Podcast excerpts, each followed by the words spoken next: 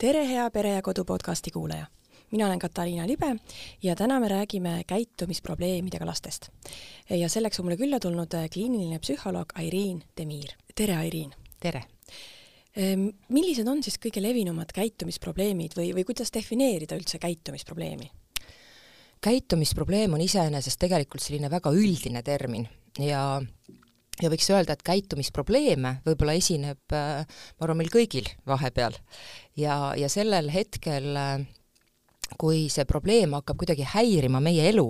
ja ta hakkab häirima meie elu nagu väga mitmes perspektiivis, et siis saame öelda, et on tegemist juba võib-olla käitumishäirega, et noh, seal tuleb juba siis natukene muidugi vaadata, et mis seal need, kuidas see väljendub, aga iseenesest tõesti võib ta väljenduda väga erineval moel, et põhimõtteliselt see võib olla ju nii endasse tõmbunud käitumine võib olla problemaatiline, kui siis väga väljaelav käitumine, nii agressiivne käitumine või siis kuidagi teisi häiriv käitumine et tõesti on siis väga palju selliseid noh, nii-öelda erinevaid ilminguid tegelikult käitumisprobleemil. milline sinu taust on üldse, kui, kui palju ja mil viisil sa oled äh, töötanud siis käitumisprobleemidega laste või noortega? mina olen töötanud siis äh, kõige rohkem tegelikult äh, noorukitega ja eelkõige ma olen töötanud siis võiks öelda tõsiste käitumishäiretega noorukitega. Et need, kelle puhul siis juba tõesti on see teekond olnud väga pikk, kui nad satuvad siis minu võib-olla niimoodi silmapiirile, et nad on tavaliselt juba tõesti olnud väga erinevate asutustes, erinevate spetsialistidega kohtunud ja nagu nad mulle ka tihti ütlevad, et ma ei taha mingi psühholoogiga enam rääkida, et ma olen juba rääkinud siin kümne psühholoogi, kolme psühhiaatri ja viie sotsiaalpedagoogiga. et tavaliselt see noh, minu võib-olla, minu juurde satuvad siis tõesti sellistes võib-olla pigem väga suurtes raskustes siis noorukid Eh, kas sa tegeled siis üks-ühele noortega või siis pigem eh, nende asutustega? et äh, mul on olnud selline erinev erialateekond, et ma olen tegelenud noorukitega väga palju nagu otse, aga viimastel aastatel tõesti pigem on läinud minu siis töö selle peale, et ma nõustan neid inimesi siis, kes töötavad nende keeruliste noortega. aga siiski praegu ka veel ma teen noorukite käitumisteraapia gruppe, et kus ma siis ikkagi, et mul on kontakt olemas, see on mulle tähtis, kus me siis ka tegelikult õpime siis erinevaid siis selliseid äh, oskusi, see on niisugune oskuste õppegrupid, äh, mida on vaja selleks, et tulla toime siis enda pingete ja tunnetega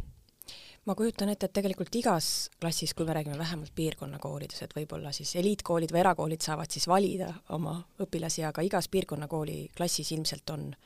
lapsi, kes võib-olla võiksid paremini käituda või? ma arvan küll, või võib-olla mitte, kes os-, võiksid paremini käituda, võib-olla aga lapsi, kes äh, vajaksid äh, äh, rohkem võib-olla mõistmist ja, ja kes vajaksid rohkem tuge, et, et siis nii-öelda tulla toime enamasti siis tegelikult enda tugevate tunnetega, mis siis tihti on ju sellise keerulise käitumise taga. vot seda just tahtsingi küsida, et mis selle taga on, mis need põhjused on siis? no käitumisprobleemidel iseenesest äh, ja nagu ka tavaliselt, kui mina olen tööle hakanud mõne, mõne sellise looga või või siis grupiga, siis tavaliselt äh, tuleb arvestada, et seal on väga erinevaid põhjuseid, et noh, väga palju me keskendume sellele, et mis on põhjused selle lapse enda juures. Ja kindlasti seal on põhjuseid, noh nagu ma tõin, et ongi, et mul võib olla raskusi oma noh, tundeid ära tunda, mõista, neid äh, teistele öelda. Äh,, Äh, mul võib olla mõningaid oskusi puudu, kuidas olukordades ol-, käituda, aga samas on sama tähtis, on mõelda nendele teistele nagu põhjustele, mis ka on käitumisprobleemiga seotud, mis on seotud äh, teiste, näiteks teiste inimestega, kes on selle lapse ümber, et kuidas tegelikult nemad, kas nemad pakuvad seda mõistmist ja toetust lapsele, või siis ka keskkonnale, et kas see keskkond on kuidagi toetav või on pigem näiteks väga karm või väga leebe. ja, ja noh, loomulikult äh, nagu ikka psühholoogias mõjutavad umbes ka niimoodi fifty-fifty, et ka see, et mis on mulle ikkagi nagu kaasa antud, et, et kust ma tulen ja mis on minu juured ja siis teine pool on see, et mis seal keskkonnas toimub aga mida saab siis üldse kool või mingi asutus ära teha, kui, kui see lapse kodune keskkond ei parane kuidagi või ta tuleb tõesti emotsionaalses mõttes väga, väga külmadest oludest? et äh, seal võib-olla see kõige esimese, esimene soovitus ongi see, et Äh, tuleb vaadata noh, nii-öelda nagu äh, eelkõige iseennast koolis. et väga levinud on see, et, et kui me hakkame näiteks arutama mingit juhtumit ja siis ma küsin, et noh, et, et kõik vastused on õiged, et pakkuge, et, et miks see laps niimoodi käitub, et mis, mis need valikud on, siis paneme need kõik kirja kuskile suure seina peale, siis enamasti pakutakse väga palju äh, tegelikult äh, siis põhjuseid, mis on kodus, mis on lapse juures, kuskil mujal, aga mitte koolis. ja võib-olla esimene soovitus ongi, et tegelikult kuna meie koolis näiteks me ei saa muuta ei lapse kodu ega ka tegelikult äh, last ennast nagu kuidagi sundida muutma, et hakata, nüüd sa pead seda, teist või tegema, et siis eelkõige alustada sellest, et ja mõtlema, et mis on siin selles meie keskkonnas need asjad, võib-olla õpetaja juures, õppekava juures, klassi klassigrupi juures, et kus me saame nagu teha mingi muutuse. et valmisolek tegelikult märgata seda enda mõju või seotust selle keerulise käitumisega, sealt algab tegelikult ka see kooli nii-öelda teekond äh, lapse toetamiseks. aga millised need muutused võiksid olla siis? noh, näiteks on äh, võib-olla noh, mina olen väga suur äh, selle mm, nii-öelda ikkagi austaja, et käitumisprobleemidega lapsed äh, vajavad äh, väga palju tegelikult armastust, nad väga vajavad turvalist täiskasvanut ja hoolivat suhet, vähemalt ühe täiskasvanuga koolis kindlasti, kus nad käivad iga päev. ja, ja, ja see on sekkumine, et noh, seda nagu mõeldakse, et oi, et ma ju suhtlen lastega ja ma ju, et noh, et, et, et mida te mõtlete sellel, aga tegelikult see, et ma ei ole nendega kerge kontakti saada ja see, et ma selle nimel vaeva näen, et saada see, see kontakt et see, see nõuab tegelikult aega. et esimene sekkumine on kindlasti see, et läbi mõelda, kas ma mina, mina isegi, see küsimus, mis ma esitan vahest iseendale, ka teistele, on kas ma päriselt olen kohtunud selle lapsega ja, ja noh, muidugi, mis see päriselt siis on ja tuleb selliseid küsimusi, aga, aga noh, väga palju peab tõdema, et tegelikult ei ole. Kas ma tean tema, tema mõtteid, tema unistusi, tema raskusi, tema nii-öelda lootusi ja lootusetust, et kas ma olen see, noh, midagi kuulnud nendest, et kontakt on ikkagi, tuleb ju millestki, mis on, mis on päris. Et see on üks selline, ütleme, see suhete kontekst, millest tegelikult algab või see on see alustala tegelikult ka töös keerulise käitumisega, et luua see, üles ehitada see turvaline suhe. Ja et kes võtab vastutuse koolis, on see klassijuhataja, on see keegi teine, et, et see on, on nagu ka väga tähtis selle suhte eest. Ja kui suhe on olemas, siis on tegelikult juba väga palju kergem mõelda neid teisi, ütleme, sekkumisi, mida seal siis saaks teha näiteks äh, mina olen noh, esimene, ütleme selline alustala, millega tavaliselt vaeva näeme, on selline, võib-olla oled kuulnud, ma ei tea, selline nagu metafoor vist öeldakse, et kord äh, minu ümber aitab luua korda minu sees. Ja noh, koolis on väga palju, mida annab teha tegelikult näiteks äh, ka õppematerjali struktureerimisega ära, tunni struktureerimisega, et noh, vähendada näiteks ütleme, ärevust ja teadmatust siis teatud olukordade ees, vähendada seda, et ütleme, mm, mis tihti on, et käitumisprobleemidega lastel tekivad õpiraskused, kuna nad võib-olla ei suuda tähele panna tunnis nii palju. ja seal on väga palju, et et noh, kui näiteks on mul mingi teema, millest me täna räägime, et siis ma ütlengi, et mis need kolm tähtsat asja on ja, ja ma struktureerin nii-öelda nii õpet või, või ma struktureerin ka seda, kuidas me klassis näiteks käitume, et see nädal keskendume sellele näiteks, kuidas tunnustada oma klassikaaslast. Räägime, miks see on tähtis, niimoodi, kuidas seda teha, järgmine nädal on mingi uus oskus. nii et ütleme, selliste erinevate tähtsate teemade struktureerimine, eh, noh, selle keskkonnaga töö on kindlasti nagu siis üks eh, ka äh, nagu töövahend, noh, laias laastus kui sa ütlesid või mainisid seda lapsega päriselt kohtumist, siis ma arvan, et väga mitmetes peredes ei ole ka, ka vanemad oma teismelise lapsega päriselt kohtunud võib-olla juba aastaid. See võib tõesti nii olla. Ja, ja ütleme ise teismeline, teismelise ema praegu olles ma tõesti saan seda öelda, et et ma, ma näiteks ise tunnen, et, et kuigi ma tunnen, et ma olen kohtunud oma lapsega eh, sellel, sellel aastate jooksul, siis teismeeas on eriti raske kohtuda, sest mingis mõttes on ka ju nende arenguülesanne lahti rebida täiskasvanust ja alustada natuke seda oma teekonda. Ja see läheb nii vastuollu ka selle vanema võib-olla ootusega, et see laps, kes on olnud tema, tema kõrval ja temaga rääkinud, siis korraga nagu tahab omaette olla ja võib-olla ütleme, kes sa üldse oled siin ja mis siin, ära, ära sekku minu ellu, et aga tuleb pingutada, et tegelikult ka teismeline vajab seda kontakti, kuigi ta lükkab meid nii-öelda ka täie jõuga eemale, et siis tuleb lihtsalt leida see teine vorm, mis oleks sobilik selleks kohtumiseks. on sul nõuandeid selles osas? Minu nõuanded on ikkagi tegevused. Et tegelikult ka, ka oma töös erivajadustega lastega on kõige kergem saada kontakt ja ma arvan ka oma lastega siis, kui midagi koos teha. Ja, ja, ja leida ja noh, muidugi on see tähendanud ka minu elus seda, et et ma olen pidanud tegema väga palju imelikke asju, mida, mida võib-olla, mis võib-olla ei ei ole siis äh, ka alati ähm, võib-olla minu hobid, aga, aga et see, see samm teha, et näiteks ma mäletan, kuidas Ida-Virumaal ma olen roninud ühe poisiga siis Eesti kõige suurema kopa sisse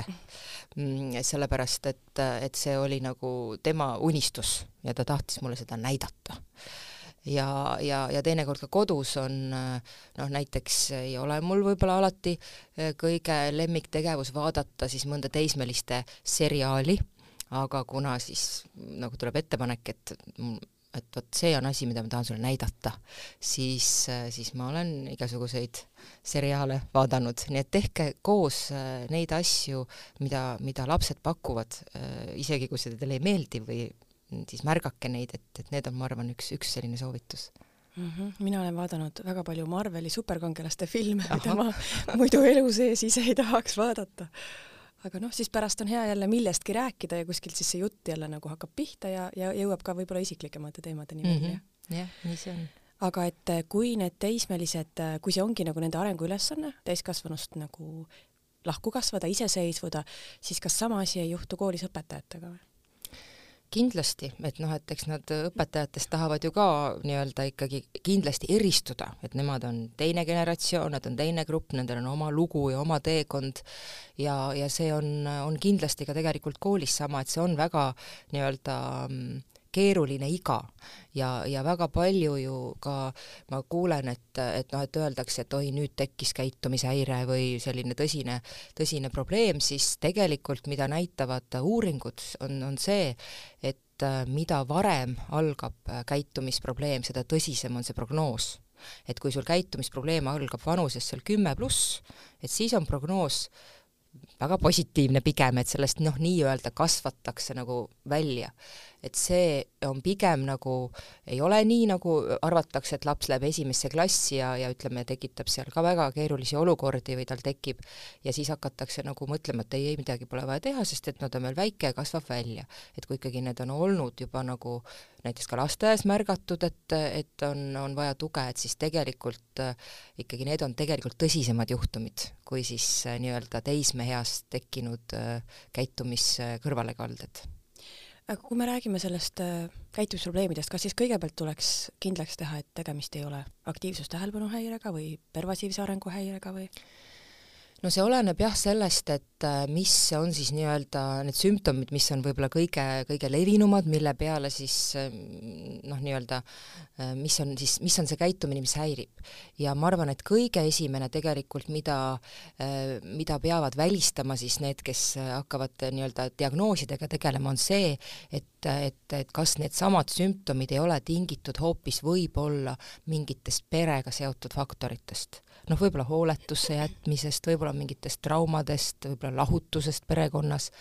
et, et kõigepealt tegelikult välistatakse need mm. äh, nagu põhjused sest et palju sellist ka noh, hülgamisel ja, ja, ja hooletusse jätmisel ja traumadel, mis on lapse elus, nendel on väga sarnased sümptomid, näiteks aktiivsus-tähelepanuhäirega, et laps muutub ka ärevaks, raske on keskenduda, võib-olla noh, olla motiveeritud pikka aega ühte tegevust tegema. Ja et see on tavaliselt see esimene nii-öelda siis, mis tuleb välistada. Ja siis hakatakse jah vaatama, et nii-öelda puhtalt tegelikult selliselt ikkagi, millistele kriteeriumitele vastab siis see käitumine, et selle selle, järgi ikkagi pannakse see nii-öelda diagnoos. aga kas kooli suhtumine või, või käitumine või siis oma oma õppekava või süsteemide ümberkorraldamine peaks olema samasugune, kui ütleme, et lapsel on ATH või siis pervasiivne arenguhäire versus siis see, et tal on päriselt taustsüsteemist midagi puudu. et sellepärast ta käitub teistmoodi jah, et tegelikult ju noh, kuna kool ei lähe ju noh, nii-öelda tegelikult koju ja ei hakka kodus olukorda nii-öelda muutma või see ei ole tihti nende võimuses ja pädevuses, siis on tõesti niimoodi, et et kool peab ikkagi eelkõige lähtuma sellest, et et, et mis on koolis siis need põhjused, mis võivad seda käitumist kuidagi veel alal hoida ja proovida neid siis vähendada. Ja, ja see, et mis on see täpne, ütleme nii-öelda noh, diagnoos või selle eh, käitumisprobleemi põhjus, ei olegi alati nii tähtis nende sekkumiste väljatöötamisel. et muidugi on, on, on hea seda, et koolis keegi teab ja nad oskavad eh, arvestada ja suunata, aga, aga kui näiteks tuleb äh, ütleme, kui koolil ongi info, et on, on kodustest probleemidest tingitud, siis on väga kerge, et äh, nagu meie ei saa siin midagi teha ja meie ei olegi nagu ütleme noh, tegelikult me alati saame. ja, ja need sekkumised on sarnased, et kui on, kui ma ei saa keskenduda, et siis ongi samamoodi, et et äh, mis, mis me saame siin koolis äh, nagu, kuidas me saame seda toetada mm. -hmm. kuigi siis ATH puhul näiteks on olemas ju ka võimalus, et, et ravimid ilmselt aitavad keskenduda. jaa, et tõesti, et äh, ma olen ise olnud küll seotud äh, väga paljude edulugudega, et, et kus tegelikult ikkagi ravimid on väga suure äh, noh, abi toonud äh, sisse ja see on kindlasti üks abivahend ja, ja koolile ka abivahend Äh, aga samas siiski tulen selle juurde tagasi, et ka isegi kui lapsel on ravimid, siis ikkagi kool peab vaatama, et mis on minu roll, sest ravimid ei ole ka kooli roll. et noh, et iga keskkond tegelikult noh, saab vaadata seda, et mis, mida mina saan teha. et, et kui me hakkame nagu tei-, teistele vastutust panema, et siis äh, et siis tegelikult äh, me nagu ise selle, ise sellest eemaldume nii et noh, loomulikult sul on õigus, et see on kõik sihuke kompleks teema, et mul võivad ravimid, mul on kodutoetus, mul on koolis mingid sekkumised, see ongi ideaalne, et selline, aga kui ei ole ideaalset pilti, siis, siis ka vaatan ikka seda, et mida, mida mina saan teha, et, et need, mida teised saavad teha, noh, ma ei saa seda muuta aga kui palju sa näed seda, et lapsele on välja kirjutatud näiteks ATH puhul ravimid ja need võib-olla isegi korraks töötavad, aga siis vanemad ei soovi ikkagi seda ravi jätkata? Neid juhtumeid on, kuigi ma, minu kogemuses ma ütleks, et neid isegi ATH puhul on võib-olla vähe. sellepärast, et, et seal on tõesti palju positiivseid efekte ja pigem äh, on, on ütleme, selliste näiteks antidepressante väga on, mida ei soovita, ütleme, pikalt lastele anda ja, ja pigem on teiste võib-olla selliste probleemide puhul rohkem, rohkem seda, ütleme, küsimusi ja, ja keeldumist. nii et, äh, et ma ei saaks öelda, et see oleks äh, just, just ATH puhul nagu väga levinud probleem mm. -hmm kui siis on ikkagi välistatud see, et lapsel ei ole ühtegi psüühilist häiret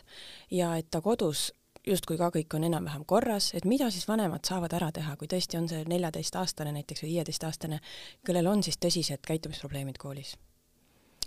Et kui kodus ei ole, koolis on ja mida vanemad saavad teha. jah mhm. et äh, no kui see on jälle see hetk, et kui kodus midagi ei ole, siis on kindlasti vanematel keerulisem nii-öelda nagu noh, en-, enda poolt äh, midagi muuta. aga mida nad saavad teha, on olla ikkagi koostöös, koostööaltid siis kooliga ja, ja kindlasti mitte, ütleme ka siis eitada seda, et, et see, mida ma olen näinud, on, on see, et et noh, tekib see hoiak, et noh, et et see ei saa võimalik nagu olla, sest meie seda nagu ei näe. ja, ja et inimesed käituvadki tegelikult erinevates keskkondades äh, erinevalt. et noh, ka meie käitume erinevalt, võib-olla isegi mõnes sõpruskonnas ja mõnes teises sõpruskonnas on meil erinevad rollid, et nii on ka, on ka see laste käitumise puhul. nii et juba see, ma arvan, on väga suur asi, kui vanem äh, usub kooli, võtab tõsiselt neid, äh, neid kommentaare ja on nii-öelda äh, ütleme, ühises inforingis, et kui laps näiteks näeb, et ka vanemad toetavad seda, äh, mida koolis siis öeldakse ja mida seal võib-olla pakutakse, välja mõeldakse, et siis, äh, et siis see on väga tähtis. et mina olen isegi oma äh, kogemuses mõnikord teinud niimoodi, et see oli siis, kui ma Norras töötasin, seal oli väga levinud see, et, et näiteks vanemad kutsuti ka kohale ja, ja teatud siis selliseid äh, võib-olla ka koolis toimuvaid muutusi selgitasid lapsele vanemad. Et vanematele selgitati need ära, kooli inimesed olid ka kohal, aga et siis nagu laps nägi, et see on nagu noh, tõsine, tõsine teema, noh näiteks, et nüüd, nüüd on niimoodi, et, et sa pead näiteks noh, ütleme, ikkagi jõudma hommikuti kooli, on ju, selleks, et siis äh, me saaksime nagu seal nüüd selle aine läbida, on ju, äh, siis sul on mingi tugigrupp seal veel, on ju, ja et seda rääkis lapsevanem, noh, kooli sellisel ümarlaual. et see oli teatud noh, perede puhul, kus vanem on koostööaldis, tegelikult väga väga selline kuidagi minu jaoks, ma mäletan siis üllatuslik, aga oli ka mõjus mm. -hmm. nii et koostöö on ikkagi ja, põhiline märksõna? et see märksõna on, on kindlasti koostöö, et ega õpetajatel on ju ka väga raske, kes on noh, üksi nii-öelda jäetud selle, selle, selle murega. aga kui ikkagi agressiivne käitumine on ka kodus, näiteks siis õdede-vendade vastu? et mis siis teha? mm. -hmm. et noh, agressiivse käitumise puhul on ikkagi väga suur töö, on töö tunnetega et noh, et käitumise taga tegelikult on äh, ikkagi väga tugevad tunded ja, ja väikeste laste puhul noh, oleneb ka, kui väike siis laps on, aga kui on selline, ütleme noh, kahe-kolmeaastane, siis tegelikult on ka täiesti eeldatav, et tema ei tule oma tunnetega toime, et, et me ei saa eeldada, et umbes nüüd, et ole rahulik ja ära siin karju ja mis sa siin kätega vehid, ja tal ei ole võib-olla sõnu kõikide oma mõtete väljendamise eest, et, et seal on hästi tähtis, on pisikeste laste puhul, et meie nagu vanematena olemegi siis nii-öelda need välised tunnete regulaatorid, neil endal see süsteem ei toimi. ja mis võib-olla on kõige raskem ja on olnud ka mulle emana väga raske, on, on, on tegelikult äh, nendes olukordades äh, nii-öelda rahulikuna äh, kohale jääda see, et ma jään lapse kõrvale, et ma nii-öelda noh, ise olen rahulik, et ma võib-olla ütlen, et ma, ma näen, et sa tõesti oled väga pettunud, et me selle punase auto pidime Mardile tagasi andma, et see, et sinu jaoks oli see, oli see väga tähtis, see punane auto. et sa nii-öelda proovid peegeldada, olemas olla, et noh, tõesti on keeruline olukord, noh, nii-öelda oma selle olemisega öelda ja mõnikord ka sõnadega.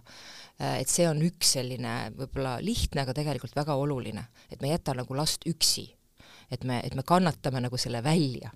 et väga paljud vanemad ei hakka häält tõstma või siis väga levinud, et jätavad lapse üksi, et mõtle nüüd järele ja siin paneb ukse kinni ja siis ole omaette.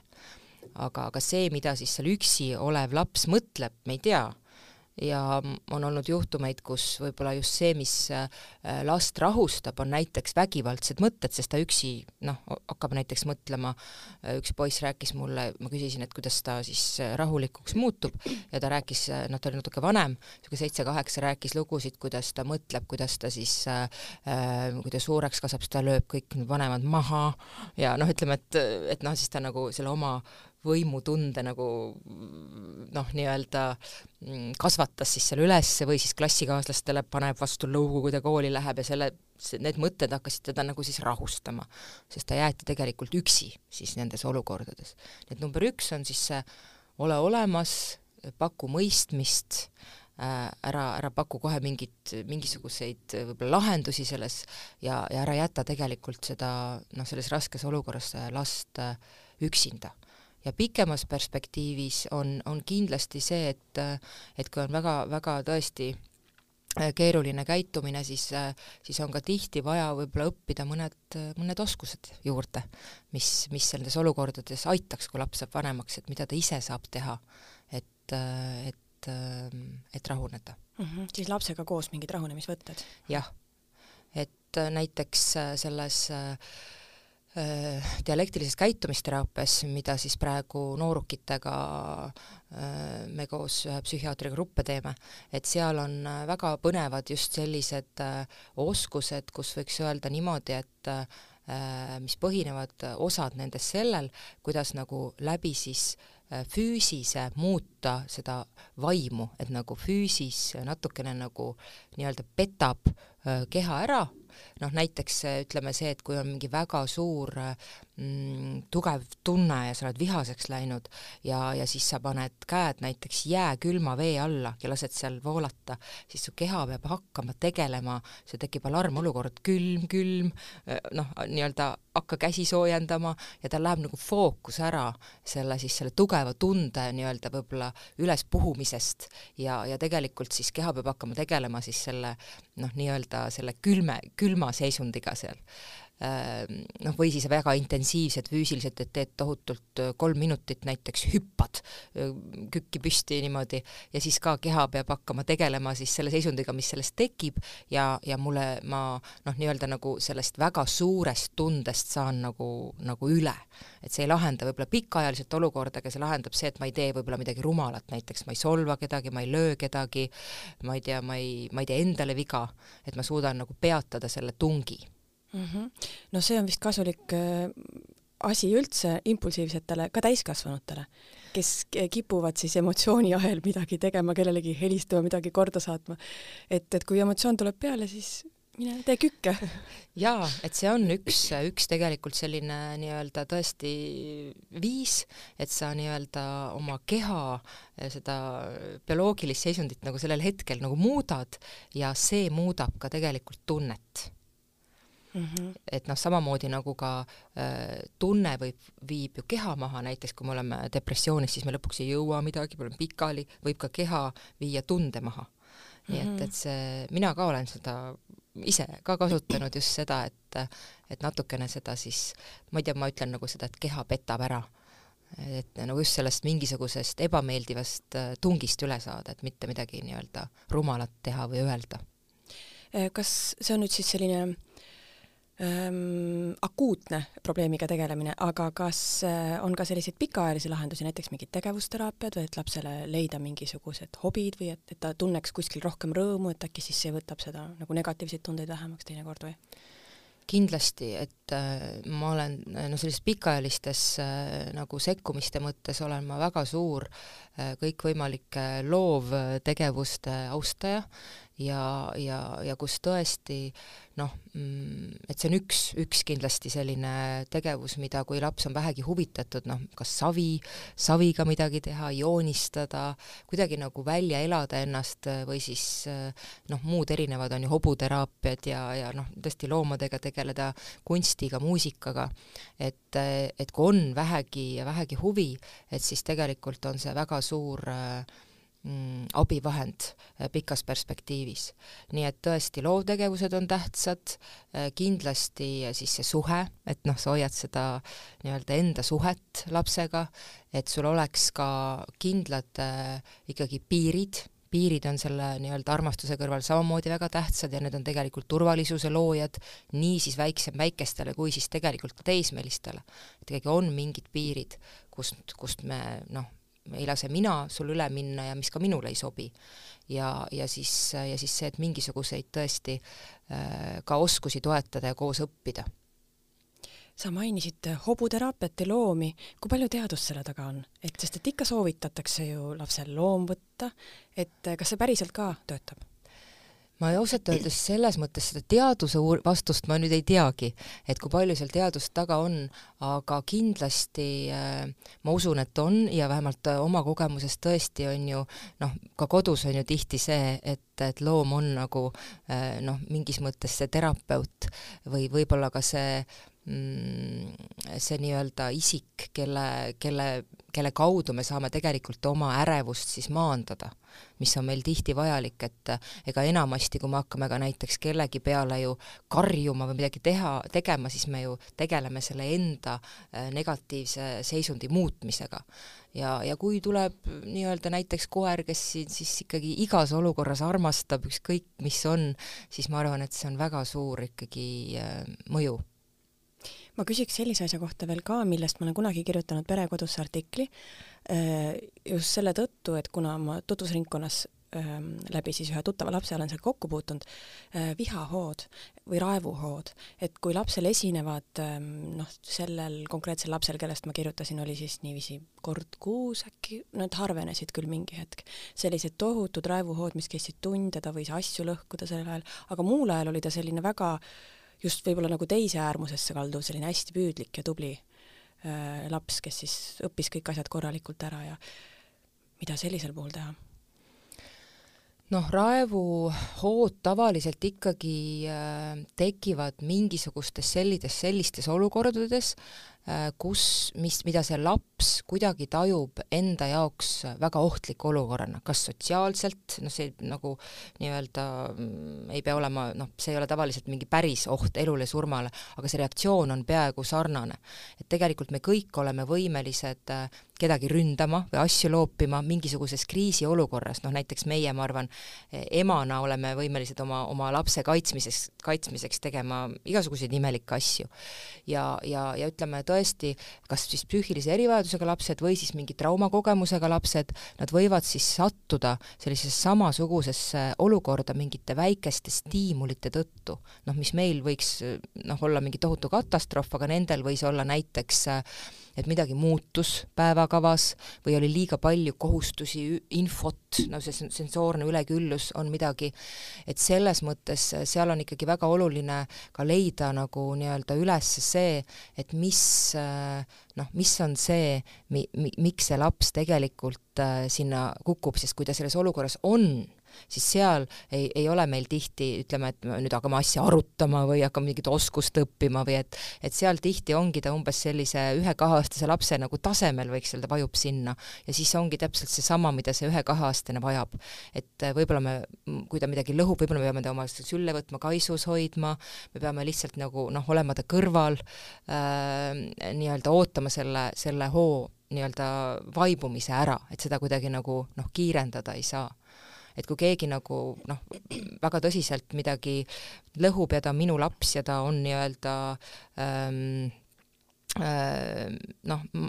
ta ei ole nagu meeter kaheksakümmend, et ta on niisugune väiksem, et siis ma saangi võib-olla võtta ta niimoodi ka turvaliselt kaisu, et näiteks seal noh, vergekoolitustel, kus ma ka olen, me õpetame just, et kuidas töötajad saaksid turvaliselt füüsiliselt sekkuda koolis sellistes olukordades, kodus on see kindlasti nagu kergem. ja, ja see on ka üks tegelikult, mis aitab noh, näiteks kui ma räägin pervasiivse arenguhäirega lastel ikkagi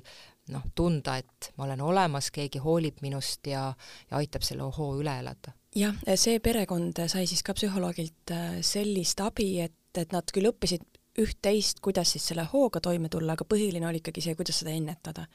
et eh, siis ka see valgusfoori süsteem, et kui hakkab kollasesse minema, et, et siis tuleb tegutseda, et kui on punases, et siis, siis ei saa enam eriti väga palju midagi teha mm. -hmm jah, nii see on, et see on juba lihtsalt nagu, kuidas me selle üle elame ja et, et see, me saame vähendada seal mingeid noh, kahjusid, et ta endale viga ei teeks või mingeid asju katki ei viskaks,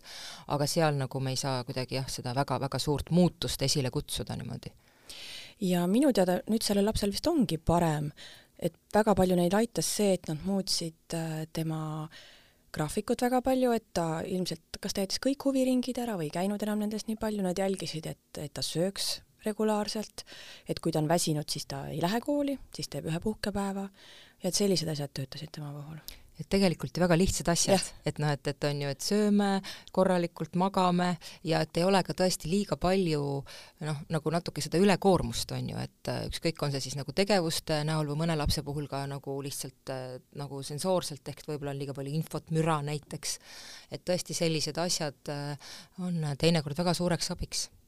me rääkisime koolidest, aga kuidas on lood lasteaedadega? Kui seal on käitumisraskustega lapsed, et kas, kas need juhised on umbes samasugused? põhimõtteliselt äh, on juhised sarnased äh,, mis on siis võib-olla äh, noh, erinev on see, et äh,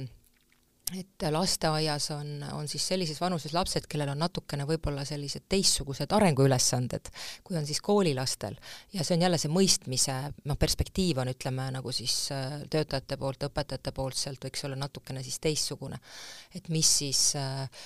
noh, et kuidas ma mõistan nagu seda, seda ütleme, ma ei tea, kellegi löömist, lükkamist, äh, hääle tõstmist, et tihti seal on teistsugused olukorrad taga. aga mingis mõttes needsamad soovitused, et tõesti äh, noh, et ka lasteaedades oleks äh, ikkagi väga selge äh, noh, ikkagi sellised päevakavad, mis on lastele lihtsalt arusaadavad, nad on nähtavad, et see struktuuri teema, sellel ma olen suur fänn, et see tegelikult aitab väga palju just selliseid ärevaid lapsi, et ma tean, mis tuleb, ma tean, mis täna on. noh, e, iga päev ei ole sarnane, meil on, kellelgi on sünnipäev, võib-olla me lähme kuskile, kas me täna kelgutame, vuisutame või üldse ei kelguta, et kõik see info on meil teada, võib-olla piltidega seina peal ja, ja mingis mõttes väiksemate laste puhul on rohkem ka seda vajadust, et vajavad nagu aega kohale jõuda, et kui ma hommikul tulen, ma tulen kodust, seal on teistsugused äh, nii-öelda reeglid, ootused, inimesed, et, et kohe ei ole mingit suurt äh, sahmimist, et äh, kõik need, ja lasteaed on väga tublid, et kõik need hommikuringid, kus, mis on tegelikult, äh, võiks ollagi fookus, et ku-, kuidas sul läks, kuidas sul praegu on ja mis täna tuleb. ma saan nagu kuidagi jõuda, jõuda siia, siia, kus ma olen mm. -hmm. ma mõtlen oma lapse peale, lasteaiaealise, siis tema vajab ka seda kodus olemise aega päris nagu pikka, et et äh, kui on selline hommik, et me juhuslikult ärkame liiga hilja ja siis on vaja kiiresti riides panna ja joosta, siis ma nagu näen, et see tekitab tema stressi. tal on vaja seda aega, kus ta rahulikult istub, siis ta vaatab oma selle hommikumuldika ära ja jah, et selline, ütleme, sellised rahulikud rutiinid on tegelikult äh, tähtsad nii kodus kui siis ka lasteaias. et selline äh, noh, nii-öelda on vaja, vaja nagu jõuda ühest äh, süsteemist teise, noh kodus ka võib-olla noh, magamisest nüüd sellesse argipäeva ja siis argipäevast siin lasteaeda ja, ja see ei käi nagu päris nipsuga. ja et, et see, et see aeg äh, nagu siis anda lastele või ise seda juhtida, seda kohale jõudmist, et see, ma arvan, on päeva alguses ikkagi väga tähtis aga agressiivse käitumisega lasteaialaste puhul kodus, et kas siis on samamoodi rutiin oluline? Äh, mina arvan, et on, et ka seal on, ütleme, võib-olla kodus on näiteks päris oluline äh, just välja mõelda sellised asjad, et äh, esiteks, et laps teaks, mis käitumine on oodatud, mitte ainult see, et mis on nagu keelatud. et noh, et, et noh, kas või see, et, et kui on mingisugune olukord, kus laps kasutab näiteks käsi, hakkab kedagi lükkama või tõukama, siis me räägimegi, et kasuta sõnu on ju, kasuta sõnu, mida sa tahad öelda, on ju. et noh, tegelikult, et ma, et ma ütlen, et mis on see, mida ta tahab. ja, ja noh, teatud olukordades olen äh, ikkagi äh, mina mm, ka kodus, aga kindlasti ka sellistes asutustes äh, ikkagi kasutanud ka selliseid positiivse käitumise tunnustussüsteeme, et mitte, et negatiivse käitumise puhul midagi ära ei võeta, aga laps teab, et mis on see positiivne käitumine, mida oodatakse ja kui ikkagi nii-öelda Äh, kui ta seda proovib ja, ja, ja, ja siis tõesti katsetab neid positiivse käitumise oskusi, et siis on tal võimalus ka midagi, mis talle meeldib, ma ei tea, kas valida õhtusööki või, või valida mingit multifilmi, mida koos vaadata või et noh, tal on mingisugused boonuslist, kus ta saab siis valida midagi, mis teda motiveerib. Ja kindlasti ei tohi olla seal äravõtmist, on ju, et, et kui just see, et, et, et positiivse asja eest toetus mm. -hmm. et see, seda, see on ka ikkagi äh, väga paljude noh, nii-öelda laste puhul äh, toimiv ja see ei, see ei tohi olla midagi nagu suurt, no umbes, et ma ei tea, ostan sulle telefoni või annan mingi raha või tihti sellised väikesed argipäeva asjad, mis on tegelikult lastele tähtsad mm. -hmm aga mida saavad ära teha teiste laste vanemad, kui näiteks ma tean, et minu lapse, kas lasteaiarühmas või siis koolis klassis, on agressiivse käitumisega laps? Nojah, see on selles mõttes selline, selline keeruline teema, et, et ega, ega keegi tegelikult ju ei äh, noh, kui sa mõtled ka enda peale ju, sa ei tahaks ju väga näiteks, et nüüd teised lapsevanemad hakkaksid kuskil, ma ei tea, lastevanemate koosolekul või kuskil arutama äh, sinu lapse käitumist äh, või, või mis teha, on ju, igaühel on seal, kes ütleb karistame ja teine ütleb, et äh, viskame la, teise lasteaeda ja ja, või las puudub, et, et seal on väga palju erinevaid arvamusi, nii et mingis mõttes ikkagi no mis see teiste, no teiste lastevanemate roll noh, ma arvan, et neil otseselt ikkagi mingit väga tõsist rolli ei ole, et noh, võib-olla kui nad teavad, siis nendel on roll see, et nad saavad nagu lastekasvatajaga näiteks arutada seda teemat, tõstatada, et me oleme kuulnud, laps on rääkinud sellist asja, kas te olete teadlikud, noh, informeerida, et see info jõuaks, sest et lapsed räägivad tõesti võib-olla mõnikord rohkem, kui kui ka täiskasvanud märkavad. Aga pärast, et, et mis on siis need ähm, noh, nii-öelda need ähm, sekkumised, et, et kui on midagi, mida lapsevanemad saavad teha, siis kindlasti ma eeldan, et lasteaed seda ütleb teistele. Et kas midagi kodus rääkida või arutada, aga pigem seal selline jah, omavoliline tegutsemine võib rohkem nagu kahju tuua tegelikult sellele lapsele, et kui seal igaüks hakkab midagi väga-väga äh, korraldama või arvama, et, et ma loodan, et see info tuleks siis äh, Mm, lasteaiast, et mida näiteks ka kodus oma lapsele rääkida selle lapse kohta, siis kui on küsimused, et ei tekiks selliseid väga erinevaid soovitusi, et keegi ütleb, et pane vastu ja või noh, viska vett peale või noh, et, et noh, see võib tegelikult ikkagi segadust tekitada mm. -hmm. seda just tahtsingi küsida, et kuidas oma lapsega sellest rääkida, et ma kujutan ette, et seda, et ta on paha laps või et ta käit-, et seda vist ei tasu öelda, on ju? nojah, et ikka, ikka mitte jah, et paha on juba selline nagu, nagu natuke sildistamine, võiks öelda, aga, aga noh, seal on erinevad põhjused, no ütleme näiteks, et teatud olukordades ongi ju ikkagi ähm, noh, räägitudki lastele noh, näiteks seda, et, et ähm, et kui mõnel lapsel on, ütleme, mingi tõsine häire, et siis näiteks räägitaksegi võib-olla, et et näiteks, et, et on tekkinud selline olukord, et selline asi võib ka juhtuda, et näiteks, et et, et tal on natukene näiteks mõtted jäänud haigeks ja tal tulevad sellised mõtted, et, et mis, kus ta tahab näiteks endale viga teha